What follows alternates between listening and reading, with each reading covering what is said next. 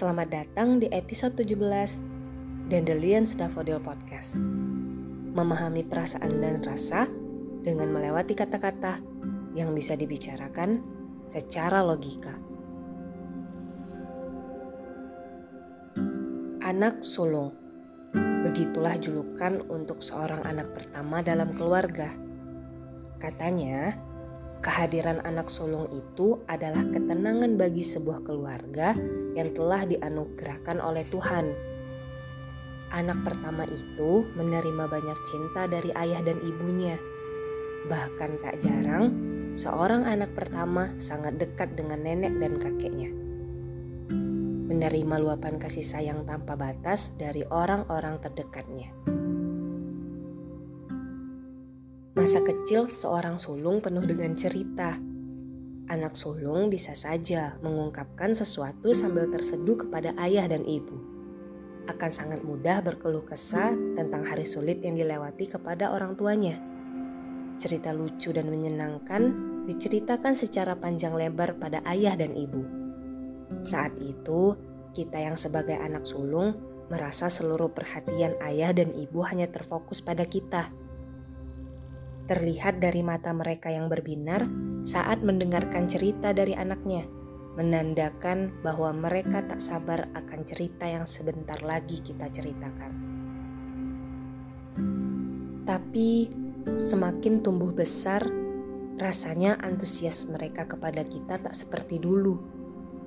Dan rasanya kita juga mulai tak seluas dulu menceritakan banyak hal pada ayah dan ibu mulai terlihat batasan dan sekat yang memisahkan dengan jarak. Perasaan hangat yang dulu terasa, kemudian sedikit demi sedikit memudar. Dari kejauhan, kita hanya melihat mata berbinar yang dulu mengarah pada kita, kini teralihkan menuju ke adik kecil. Yap, rasa telah berganti posisi dan berbagi tempat untuk adik kian terasa.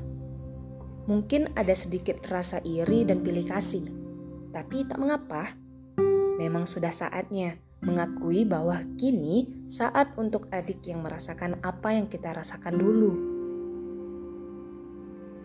Bukan masalah besar untuk berbagi posisi dengan adik. Itu hanya soal waktu yang akan melatih agar terbiasa. Ada sebuah persoalan yang lebih berat porsinya daripada hanya memikirkan tentang posisi dan kasih sayang, yaitu sebuah pengharapan Mata berbinar karena penasaran akan cerita kita dulu, kini telah berubah menjadi mata dengan tatapan akan harapan. Tak lagi hanya dua pasang mata yang melihat ke arah sulung. Pasangan mata dari adik-adik yang melihat panutannya untuk kemudian berharap dituntun mengarungi jalan hidup ini. Seringkali menjadi anak sulung jalan hidup kita telah ditetapkan oleh seluruh ekspektasi keluarga. Sepertinya jarang sekali bisa memilih apa yang kita mau. Terlalu sering diberikan wejangan tentang sebuah kesuksesan yang justru membuat kepala ini hanya menunduk dan bahu semakin jatuh. Terlalu sering diiming-imingi pilihan yang padahal sebenarnya hasilnya telah ada tanpa harus kita memilih kita merasa seperti hanya berhak untuk sebuah tanggung jawab. Rasa tanggung jawab yang kemudian membelenggu seluruh tubuh seorang anak pertama. Doktrin umum yang berkata, seorang sulung adalah punggung yang akan menjunjung nama keluarganya, semakin melekat hingga mencekam kaki saat berjalan. Yang terlihat hanya dinding yang mengisyaratkan bahwa langkah sangat sempit untuk bergerak namun dipaksa berjalan seluas-luasnya. Berat, sudah pasti. Tapi itu jalan terbaik yang terlukiskan untukmu. Semut kecil berjalan di tengah makhluk besar yang ukurannya beribu, ratusan ribu, bahkan jutaan kali lipat dari tubuhnya. Ancaman terpijak dan dibunuh berdatangan dari arah mana pun. Tapi itu semua bukan penghalang baginya untuk melanjutkan hidup.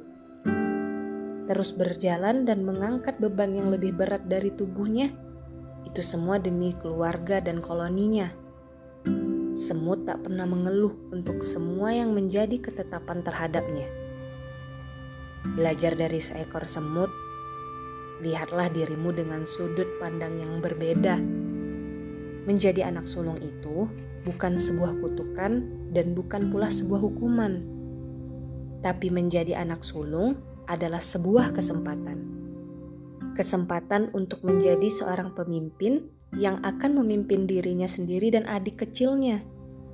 Kesempatan untuk menjadi pelita di tengah kegelapan bagi keluarganya. Harapan yang mereka gantungkan padamu itu semua karena mereka percaya bahwa Tuhan menjadikan kamu sebagai perantara untuk mewujudkan segala harapan. Seorang anak sulung akan selalu mengarungi samudera masalah dan berperahukan ketidaknyamanan. Namun anak sulung akan dengan bangga menyelimutkan kenyamanan untuk adik-adiknya yang mana inilah bayaran yang telah dinantikan anak sulung.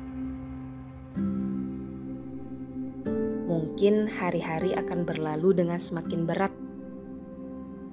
Dan bahkan bukan tidak mungkin di suatu titik kamu ingin menyerah dengan segala beban dan tuntutan yang disematkan pada bahumu.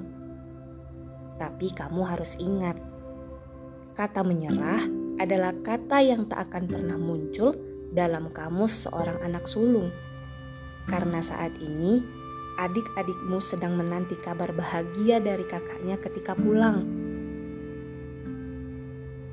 Saat ini juga, orang tuamu sedang menadah tangan dan menyebut namamu dalam doanya.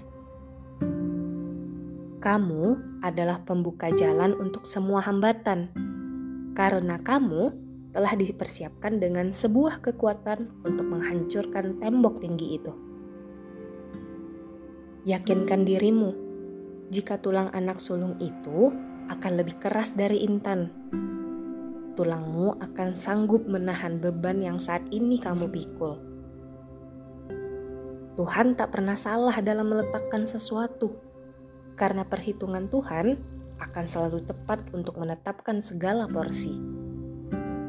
Tetaplah menikmati hidupmu, walaupun nama sulung mendampingi jalanmu. Beristirahatlah sejenak saat kamu merasa lelah. Kamu tetaplah manusia biasa yang berhak untuk itu. Setelah selesai dengan istirahatmu, segeralah mulai perjalananmu dengan optimis dan semangat untuk kembali meniti harapan yang menjadi tujuanmu. Selamat malam dari kami, Cio Enli, Dandelions Daffodil.